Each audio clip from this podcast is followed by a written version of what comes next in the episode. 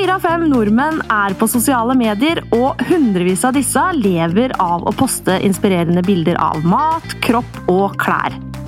Og ettersom tusenlappene renner inn hos dama og mannen i gata, som har blitt de nye reklameplakatene, så lurer du kanskje på hva er det disse folka kan om sosiale medier som ikke du kan? Jeg heter Mali Nesvold, og jeg er en av disse folka. Men for å være helt ærlig så bare føler jeg at internettgamet mitt har stagnert.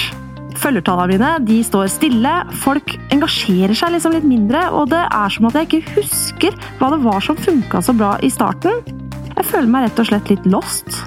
Så derfor vil jeg grave i hemmelighetene til influenserne der ute, som jeg mener har knekt SoMe-koden.